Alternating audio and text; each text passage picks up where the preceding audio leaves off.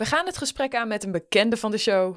Volg met mij dit ontzettend vette avontuur van Carlos, oprichter van The Green Rebel, terwijl we na ruim drie jaar opnieuw het gesprek aangaan. In deze check-in aflevering onthult Carlos de ongelofelijke reis die hij heeft doorgemaakt sinds ons laatste gesprek. Beginnen bij de aankoop van een gigantisch stuk land in Spanje, neemt Carlos ons mee door de uitdagingen, successen en leerzame momenten van zijn agroforestry project. Ontdek hoe het landschap is getransformeerd door de visie van Carlos en krijg een uniek inzicht in de subtiele maar krachtige verschillen tussen regeneratieve landbouw, voedselbos en agroforestry. Luister mee naar zijn ervaringen in het zoeken naar begeleiding voor het vormgeven van die 15 hectare land en ontdek hoe het agroforestry-initiatief er nu daadwerkelijk uitziet. We duiken dieper in de impact op de lokale gemeenschap, milieueffecten, onverwachte uitdagingen, duurzaamheidsdoelen en persoonlijke transformaties. Carlos deelt zijn inzichten over klimaatverandering, onderhoud van zijn land en de toekomstplannen voor de Green Rebel. Natuurlijk sluiten we af met waardevol advies van Carlos voor iedereen die droomt van het starten van een vergelijkbaar duurzaam project. Ha, geloof me, dit is awesome. Dit is meer dan een interview. Dit is een reis door de groene revolutie met de Green Rebel. Geniet ervan. She loves to travel far, drink beer in a bar, buying clothes online and drive around her car. But with the looming climate crisis, the melting Arctic ices, all the plastic in the sea, got her thinking about sustainability.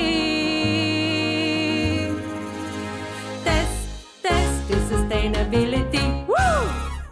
De laatste keer dat wij elkaar hebben gesproken is dus drie jaar geleden, ongeveer rond dezelfde tijd. En nou ja, de wereld zag er heel wat anders uit. Eh, jij was net aan het begin van jouw avontuur van The Green Rebel. Neem me mee, Carlo. Hoe gaat het met je? Thanks. Goed. En het voelt zeker als een, eh, als een lifetime ago, misschien zelfs al meerdere levens in de tussentijd. Toen was de winter volgens mij ook net begonnen. Ik was net geëmigreerd naar Spanje, waar ons land kocht.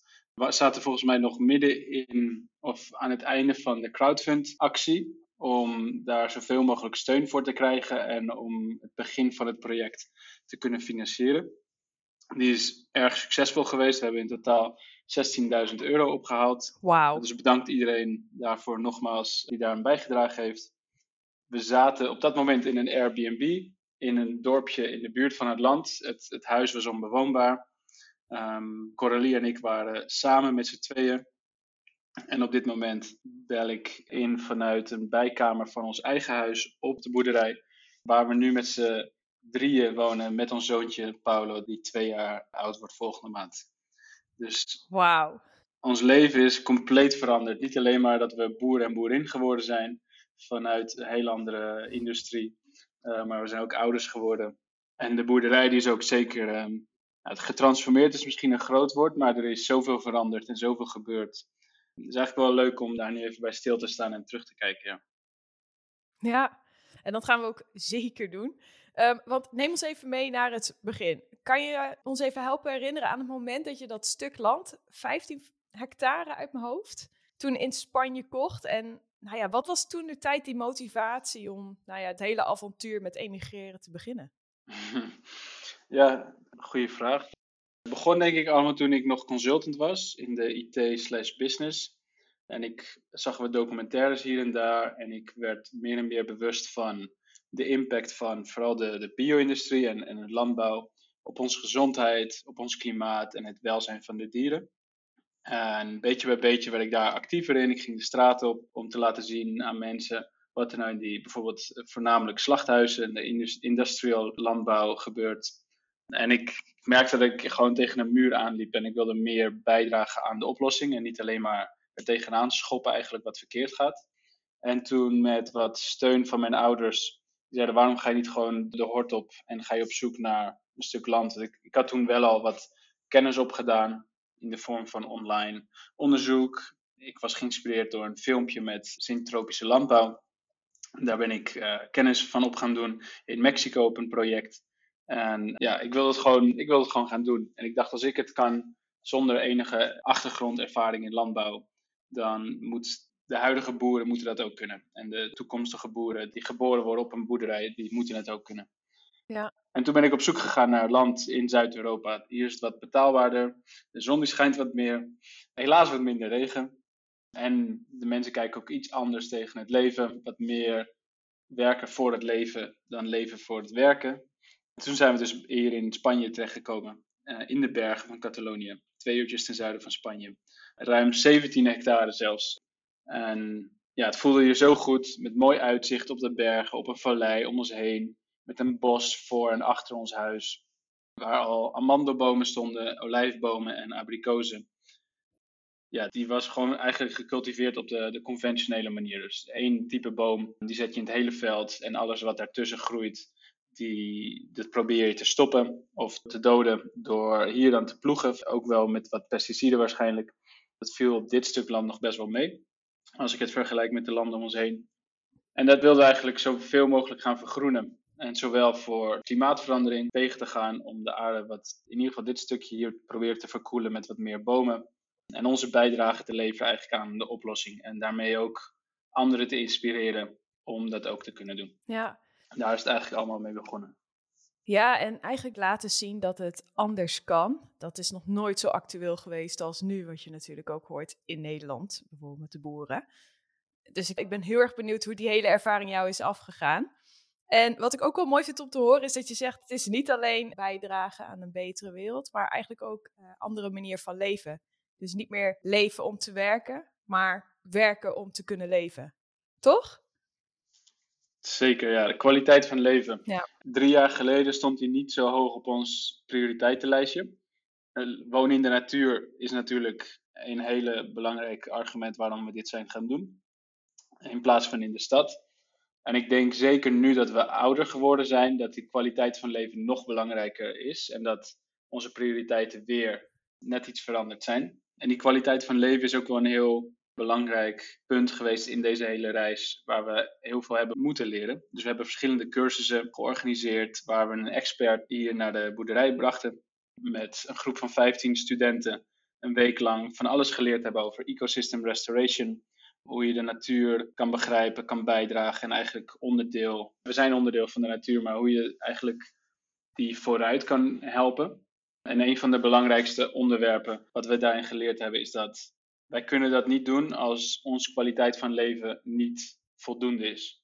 Dus we kunnen met man en macht alles correct doen om de natuur vooruit te helpen, maar als wij daar niet gelukkig van worden, en dat, dat ziet er anders uit voor jou dan voor mij, en dat zal er waarschijnlijk de volgende generatie voor mijn zoon ook weer anders uitzien, maar de activiteiten die je doet, moeten er bijdragen aan dat je daar gelukkig van wordt. Maar ook je basisbehoeften moeten uiteraard uh, gedekt zijn. En ja, dat, dat, hele concept, we hebben daar veel geleerd van uh, holistic management. Het is een heel framework waar je jezelf eigenlijk bij elke beslissing of elke keuze die je maakt, een beslissing die je moet maken, dat je daar een aantal vragen uh, jezelf moet stellen. Dat doen we nog niet perfect, maar daar proberen we wel beter in te worden. Maar die kwaliteit van leven, ik denk dat dat misschien nog wel belangrijker voor ons nu is dan dat we de hele voedselindustrie gaan verbeteren. Ik denk dat we daar wat minder ambitieus in geworden zijn, maar meer hoe kunnen we nou die balans voor elkaar krijgen voor ons als ondernemer slash boer. Een goede en positieve bijdrage leveren aan het klimaat, aan ons uh, ja, environment, aan de community waar we in leven en ook dat wij zelf gelukkig zijn en dat we ook alle kosten kunnen dekken. En ja, dat is een uitdaging waar we nog steeds mee um, struggelen. Maar ik denk dat dat iets is waar iedereen altijd naar op zoek is, die, die, die onmogelijke balans bijna. Maar ja, die kwaliteit van leven is wel erg belangrijk voor ons.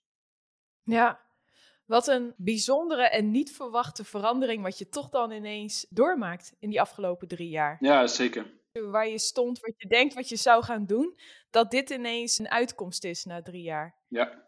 Ik ben wel benieuwd, en dan wil ik weer even terug in uh, nou ja, het project natuurlijk zelf, maar voor mijn beeldvorming. Ik snap de link niet echt tussen wanneer je gelukkig bent en ja, hoe dat jouw keuzes bepaalt met het werk wat je doet.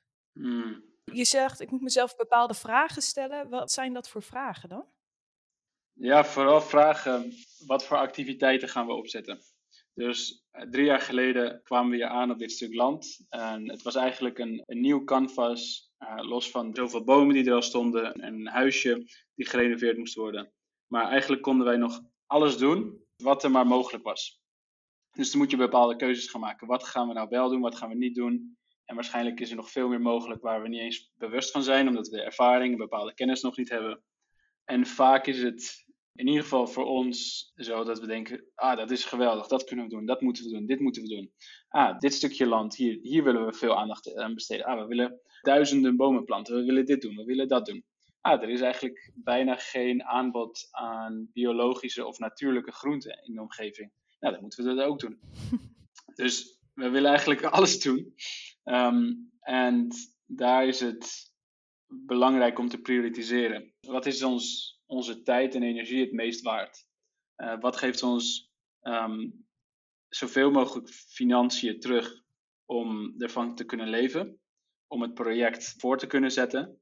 En wat geeft het zoveel mogelijk terug aan het klimaat, de biodiversiteit en onze community? Juist. En omdat er dagelijks zoveel te doen is, die to-do-list is oneindig. Voor alles wat je afstreept, komen er weer tien dingen bij. Ja, die dagelijkse keuzes, daar moeten we gewoon eigenlijk heel erg streng in zijn. Wat is nou het meest waard en wat is het niet waard? En ook soms het loslaten van bepaalde dingen is wel lastig, want we wonen hier op de boerderij. En de boerderij is nog steeds in een beginfase. En daardoor is er, en los van de fase denk ik, er is gewoon altijd wat te doen. En je ziet als je rondloopt, um, we gaan dus niet naar, weg van ons kantoor op vrijdagmiddag naar huis. En we zien de stapel papieren zeg maar, op ons bureau, die zien we het hele weekend niet. Hier als wij nu op zaterdagochtend uh, onze, onze huis uitstappen, dan zien we, ah, daar, daar ligt nog wat, daar moeten we nog wat dat doen. Ah, daar moet nog wat gesnoeid worden, daar moet het gras nog even bijgewerkt worden, daar moeten we dat doen. Ah, er staan nog plantjes daar. ik denk dat dat de kwaliteit van leven uh, beïnvloedt. Het maakt het ook veel mooier dat we hier wonen. Want je bent veel meer in contact met alles wat er groeit, alles wat er gaande is. Maar daardoor zie je dus ook constant alles wat er gedaan moet worden. En daar, ja, daar moet je dus gewoon heel streng in zijn eigenlijk. En ook het accepteren, een beetje het loslaten. Dat dat er altijd zal zijn. Ja, dat lijkt me makkelijker gezegd dan gedaan. Ik kan me voorstellen dat het heel veel energie geeft als je dat soort dingen ziet liggen. Je kan kijken naar de mogelijkheden, maar het kan me ook wel heel erg voorstellen dat het een benauwd gevoel geeft van, oh, er is nog zoveel te doen. Het mm. lijkt nooit te eindigen. Klopt. En het, het gaat ook nooit eindigen, ja. dat is ook misschien mooi van de natuur, toch? Klopt, klopt. We hadden het drie jaar geleden over agroforestry. Dat was ook de titel van, hè, dat ga jij neerzetten. Nou, ben ik benieuwd. Tweedelige vraag. Eén, wat is ook alweer het verschil tussen generatieve landbouw, voedselbossen, agroforestry? Je hoort tegenwoordig zoveel termen. En is dat nog steeds waar je mee bezig bent of heeft het toch een andere afslag genomen? Ja, het begon allemaal met, en agroforestry was een beetje de overkoepelende term. Ik ben allereerst geïnspireerd door syntropische landbouw, syntropic uh, farming. Daar ben ik denk ik nog dieper in gegaan qua interesse en qua kennis. En om te beginnen met agroforestry, is boslandbouw in het Nederlands. En dat is eigenlijk het integreren van bomen in landbouw. Het kan zo simpel zijn dat je een heel groot graanveld hebt, dat je daar bomen omheen zet, puur om al wat bescherming tegen de wind te geven. Of dat je koeien of schapen hebt, je plant wat meer bomen, zodat ze wat meer bescherming in de zomer tegen de felle zon en de hitte hebben. En, en er zijn nog veel meer andere mogelijkheden. En wij doen dat door verschillende bomenlijnen te plaatsen, uh, met fruit- en notenbomen bijvoorbeeld. En als een soort voedselbos met overal alles door elkaar heen. Er zit wel een, een complex ontwerp achter, maar het is niet in stroken. En dat doen wij wel voor de efficiëntie van het eh, ontwerp, van het onderhoud en van het oogsten. En daartussen hebben wij sinds dit jaar groeien wij ook uh, groenten. En dat doen we in een no-dig manier. Dus een no-dig betekent eigenlijk dat we de grond zo min mogelijk aantasten door daar niet in te, te scheppen. Dus wij hebben een dikke laag compost bovenop de bodem neergelegd en daar groeien we onze groenten in. Dat doen we dit jaar voor het eerst en we proberen eigenlijk de combinatie te doen syntropic farming en die no-dig market gardening. En market gardening is de, het groeien van groenten voor de market, voor de consument. Ook al staan bepaalde principes daar uh, lijnrecht tegenover elkaar, moeten wij dus maar zien hoe dat zich gaat ontwikkelen. Maar we willen meer focus op het syntropic farming eigenlijk brengen. En daar willen we ook dieper in duiken, meer in leren en ook meer in ontwikkelen eigenlijk. Alles wat we de aankomende tijd denk gaan planten, vooral aan bomen, struiken, gaan we met de principes doen van syntropic farming. hey, en waarom zeg je het is tegen mijn principes in, dat no-dig gardenen? Nee, nee het, is, het niet tegen mijn principes in. De principes daarvan staan een klein beetje tegenover de syntropic farming. En om dat uit te leggen, syntropic farming komt vanuit een Zwitserse man. Die is in de jaren 80 naar Brazilië gegaan, Ernst Gutsch. En die heeft als doel toen gehad, uh, die kwam al uit een boerenfamilie, om landbouw te ontwikkelen op een bepaalde manier waar je geen externe inputs nodig hebt. Dus je hebt geen fertilizers, geen mest, eigenlijk niks van buiten breng je naar dat veld toe. En die planten die zijn zo gezond mogelijk. En meer procesmatig dan inputmatig. Waar wij heel veel inputs op een bepaalde krop, op een bepaalde plant toevoegen om die zo gezond mogelijk te maken. En eigenlijk om die zoveel mogelijk te laten produceren, niet per se zo gezond mogelijk te laten zijn. Kijk dit meer naar successie. En hoe kan je met de natuur meewerken naar successie toe? Met de processen van successie in plaats van er tegenin te gaan. En als je kijkt naar hoe wij groenten verbouwen, wat groenten nodig hebben, groenten vergt heel veel inputs en vooral heel veel fertilizers, omdat in een korte periode heel veel groeien. Um, die hebben veel water nodig en veel voedingsstoffen. Dat is wat anders dan een bepaalde boom. Een boom die groeit heel langzaam, die groeit heel lang en die heeft daardoor minder intensief zoveel voedingsstoffen in een korte periode nodig. En dat zijn eigenlijk de conflicten in die twee manieren van landbouw um, uh, voeren. Ja. We hebben er wel voor gekozen om groenten te gaan verbouwen dit jaar. Om twee redenen. We hadden cashflow nodig op kortere termijn om te kunnen overleven als project. En ook om onze community groenten te leveren. We hadden een biologische boer in de omgeving. En die stopte er helaas mee. Die was te oud, het was te veel werk. En zijn farm was er niet ideaal voor. Dus er was een enorme tekort eigenlijk. En die wilden wij even opvullen. Mooi. hey, en dat hoor ik jou meteen niet zeggen. Van, dan ben je toch ook wel heel erg bezig met de omgeving. Heb jij gemerkt dat wat jij doet ook een bepaald invloed heeft gehad op de lokale gemeenschap? Zijn er bijvoorbeeld ook bepaalde samenwerkingsverbanden ontstaan? Ja en nee. Ik denk dat het nog te vroeg is om dat te zeggen. En het is ook lastiger omdat ik als buitenlander hier in Catalonië ben begonnen. Er is een bepaalde taalbarrière. Catalaans is niet hetzelfde als Spaans. Dus ik spreek basis Spaans, maar Catalaans is nog wat moeilijker voor mij. Catalanen zijn vrij trots en ook misschien wat moeilijker om door te dringen. Als je eenmaal geaccepteerd bent, dan zijn ze heel warm, maar dat duurt wat langer. En het systeem wat we aan het groeien zijn, dit heeft nog wat meer tijd nodig om zichzelf te bewijzen dat dit succesvol is. Als mensen hier komen, vinden ze het geweldig, vinden ze het prachtig uh, en heel inspirerend. En we hebben een aantal samenwerkingen met kleinere producenten om ons heen, maar die hebben al eenzelfde soort gedachtegang voordat ze ons leren kennen. Ja. Dus het heeft wat meer tijd nodig. En, en ook de gemiddelde leeftijd van de boeren hier, die, die is 60 plus. Uh, de volgende generatie die is vrijwel niet uh, uh, geïnteresseerd in landbouw, want het is hier niet winstgevend. Als het ergens wel goed winstgevend is, maar het is erg moeilijk om hier je, je boterham ermee te verdienen. Dus die gaan allemaal naar de grotere steden voor beter betaalde banen. Hm. En de verandering komt denk ik meer van jongere mensen, de nieuwe generatie, in plaats van de oudere boeren die ja, bijna klaar zijn met het boeren in hun leven. Dus die gaan niet nog uh, opnieuw wat nieuws leren of een tijd investeren met de mogelijkheid dat wat ze eigenlijk nu al doen werkt voor hun. Dus waarom zouden ze iets nieuws leren met de mogelijkheid dat het gaat falen en dat hun, dat hun bomen eraan doodgaan bijvoorbeeld. Ja. Dus de verandering gaat heel langzaam. Ja, ja precies. Uh, ik denk dat we daar nog wat meer tijd voor nodig hebben. Maar de mensen die komen, dat is een combinatie van Catalaanse mensen, locals, en internationale mensen die hier naartoe verhuisd zijn. En ja, die vinden het allemaal uh, prachtig om te zien. En die willen dat ook op kleinere schaal toepassen. Dus daar zie je wel dat mensen vragen stellen van hoe doe je dit, hoe doe je dat en hoe kunnen we dat zelf doen. Dus daar kunnen we wel op ons, onze manier aan bijdragen. Mooi. En merk je ook al dat het effect, en ik ga dan uit, positief effect heeft gehad op het milieu, uh, bijvoorbeeld de biodiversiteit? Ja, op kleinschalige manier zeker. Het veld waar wij het, het meest actief in zijn, daar hebben we denk ik zo'n 5000 bomen en bosjes in, in, uh, in geplant. En daartussen uh, heel veel groenten aan het produceren. Um, dat is niet normaal. De explosie aan leven, aan insecten, aan vogels die erop afkomen. Wormen zien we in de bodem uh, ineens, die we een aantal jaar geleden nauwelijks zagen.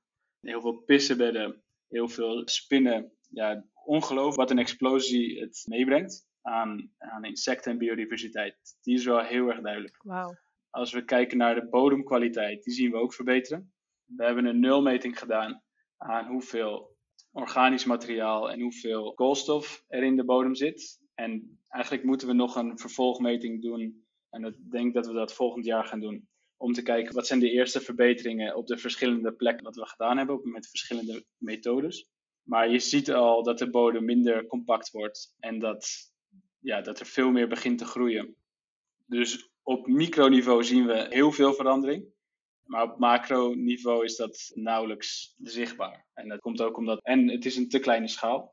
En er is zoveel landbouw om ons heen die er kaarsrecht tegenin gaan, die elke vorm van biodiversiteit probeert tegen te gaan. Dus dat, dat maakt het erg moeilijk. Hoe bedoel je door bijvoorbeeld monocultuur, pesticiden op die manier?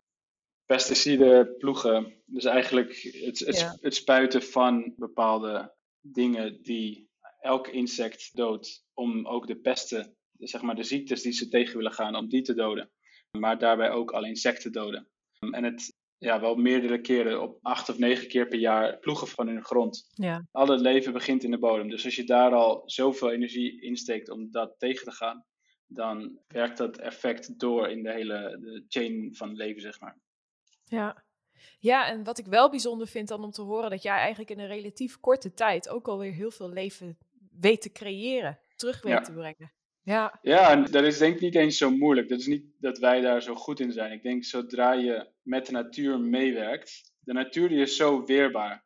En ze zeggen wel eens als de mens, als de mens eh, ophoudt te bestaan, dan zal de wereld er in een aantal jaar weer als een paradijs eruit zien. Ja. En daar geloof ik ook wel in. Je kan kijken naar Tsjernobyl of andere plekken. Maar ook al doen wij op een aantal plekken heel weinig, snoeien we het gras een paar keer per jaar in plaats van dat het geploegd wordt of dat er helemaal niks gebeurt, zie je al dat je met de natuur eigenlijk meewerkt en dat dat zo'n zo'n krachtig effect heeft. ja. Hey, maar met de natuur meewerken, het is natuurlijk niet te missen. Eh, effecten van klimaatveranderingen komen nou steeds meer naar voren. Langere droogtes, Mm. misschien ook intensere stortbuien. Heb jij dat gemerkt de afgelopen jaren en nou ja, hoe ga je daar ook mee om? Ja, zeker. Ondanks dat we hier vrij kort wonen, zien we wel dat vorig jaar was heel extreem. Dit jaar was droog, maar vorig jaar was droger voor een langere periode en nog veel warmer. Heel Catalonië zit al in een driejarige droogte. De waterreservoirs die staan extreem laag. Dat dit jaar dat het een water, hoe noem je dat, een alarm, code rood zeg maar. Ehm, dus je mocht zelfs op het strand mocht je niet meer douchen als je het eh, strand af wilt ging of je voeten even afwassen. Op verschillende plekken mocht er bijna niet meer geïrrigeerd worden op de landbouw. Het, het is nog steeds een vrij extreme situatie. En dat zien wij hier ook, alles wat we geplant hebben. Een van de moeilijkste periodes, denk ik, in, in de geschiedenis om iets te planten. Om dat überhaupt in leven te houden. En dat gaat alleen nog maar moeilijker worden. Ja, daar moeten we dus nog meer teruggeven eigenlijk aan de natuur om de kansen te vergroten. En ja, we zien ook extreme regenbuien. Soms dat er in een, wat er normaal in een half jaar valt, dat dat in een uurtje valt. Tja, Um, en dan zie je die toplaag van de bodem, die zie je zo de zee instromen. En die toplaag is eigenlijk hier waar alle voedingsstoffen in zitten en al het microleven. Dus dat ben je in één zo'n stortbui ben je dan kwijt. Als je de bodem niet op een regeneratieve manier aan het behandelen bent. Dus als je die openlaat, als er niet genoeg in groeit, dan stroomt dat zo weg. En daar zien we dat de praktijk die we toepassen, dat al is er een extreme regenbui, dat het heel goed en heel snel de bodem eigenlijk ingaat. En dat het daardoor ook veel langer de bodem in blijft. Waar bijvoorbeeld bij de buurman het veld staat vol met grote plassen. Dat betekent dat het water de grond niet in kan. Bij ons is het al heel snel droog. Geen plas in ieder geval. En dan kijk je een tijdje later bij de buurman en dan is het heel droog, het veld. En dan kijken wij naar onze bodem en dan moeten we even wat organisch materiaal optillen, bladeren, takjes, wat we als bescherming ook op de, op de bodem hebben liggen. En die bodem is daar nog super nat.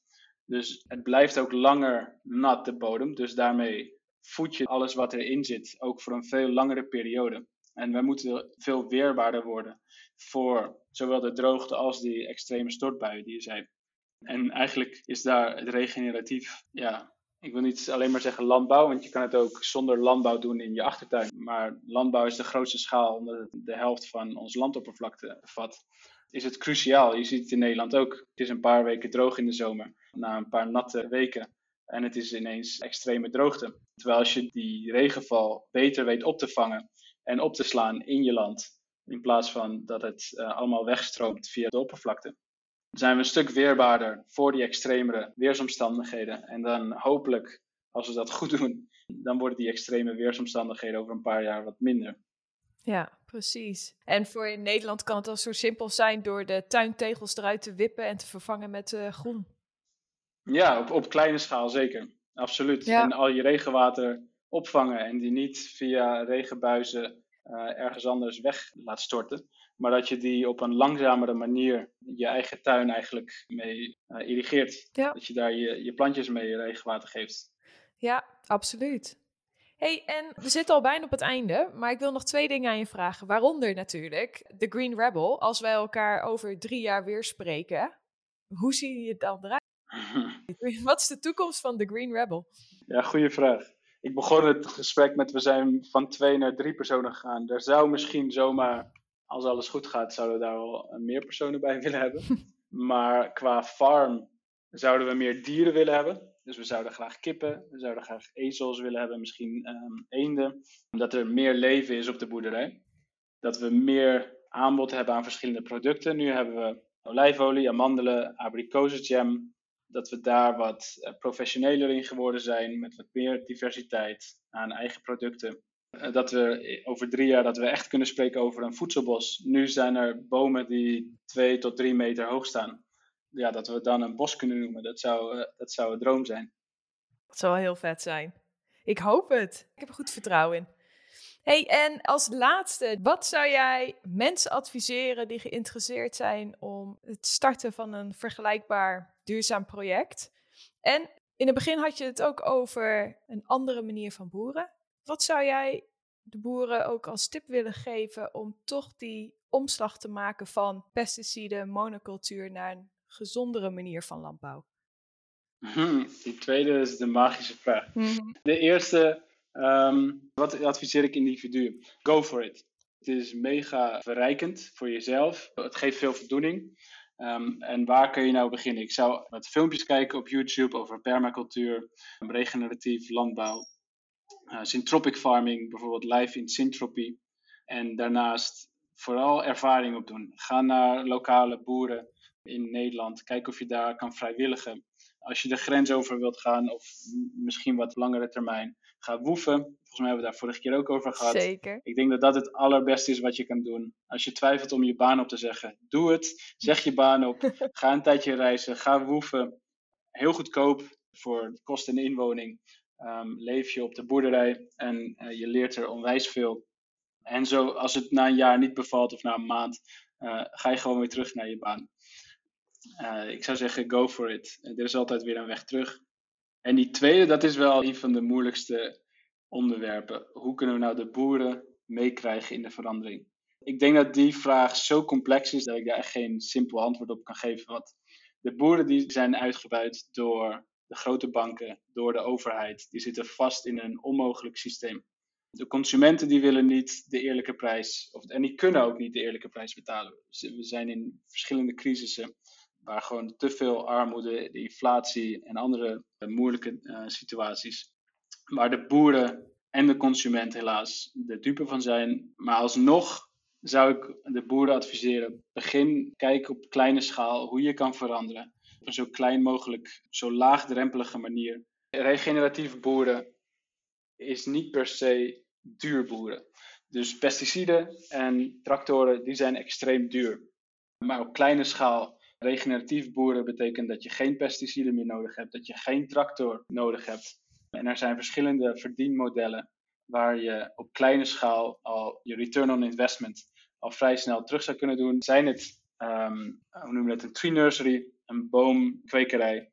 Kijk nou of je kippen kan houden, zij het voor kippen of voor de eieren. Er zijn verschillende businessmodellen. Maar ja, het moet allemaal vanuit intrinsieke motivatie komen. Het is niet makkelijk dat je binnen twee jaar, drie jaar alles terugverdiend hebt en dat je je Tesla rond kan rijden in plaats van je tractor. maar het is het wel waard. En doe je het niet voor jezelf nu, dan doe je het voor je volgende generaties. Want doorgaan op de manier waarop we nu boeren, dat kan nog een aantal jaar en daarna kan het niet meer. Dan is er niks uit de grond te halen. En dan ga je sowieso failliet als boerderij of als familie. Dus ja, doe het voor het klimaat, doe het voor de volgende generaties en doe het voor je gemeenschap waar je woont. Maar ja, probeer er wel voor te gaan. Verdiep je erin en maak kleine stapjes. Ja, nou, de hond is het met me eens. Ik vind het een, uh, een hele mooie afsluiter. En ja, ik weet het. Maar verder, ik heb er ook geen woorden meer voor. Ik vind het uh, ontzettend inspirerend en je blijft inspirerend. Thanks. Ik wil zeggen, ontzettend bedankt voor deze ja, check-in. En ik hoop dat we elkaar over drie jaar weer gaan spreken. Ik ben benieuwd. Ja, bedankt voor de uitnodiging. Het was een leuk gesprek. Test, test is sustainability. Woo! Wat is verduurzamen toch leuk, hè? Ik weet niet hoe het met jou zit, maar deze aflevering heeft weer voor die extra groene kriebel gezorgd bij mij. Duurzaam leven zonder gedoe. Zo is het maar net. Heeft deze aflevering jou ook geïnspireerd? Deel dan de podcast met een vriend, vriendin, familielid, collega, een zeer geïnteresseerde hond. Alleen zo maken we samen de wereld een stukje beter. Vergeet ook niet deze podcast een sterretje te geven op Spotify en Apple Podcast. En nou ik toch bezig ben, volg mij ook op TikTok en Instagram voor nog meer inspiratie. Tot de volgende aflevering. Cheers!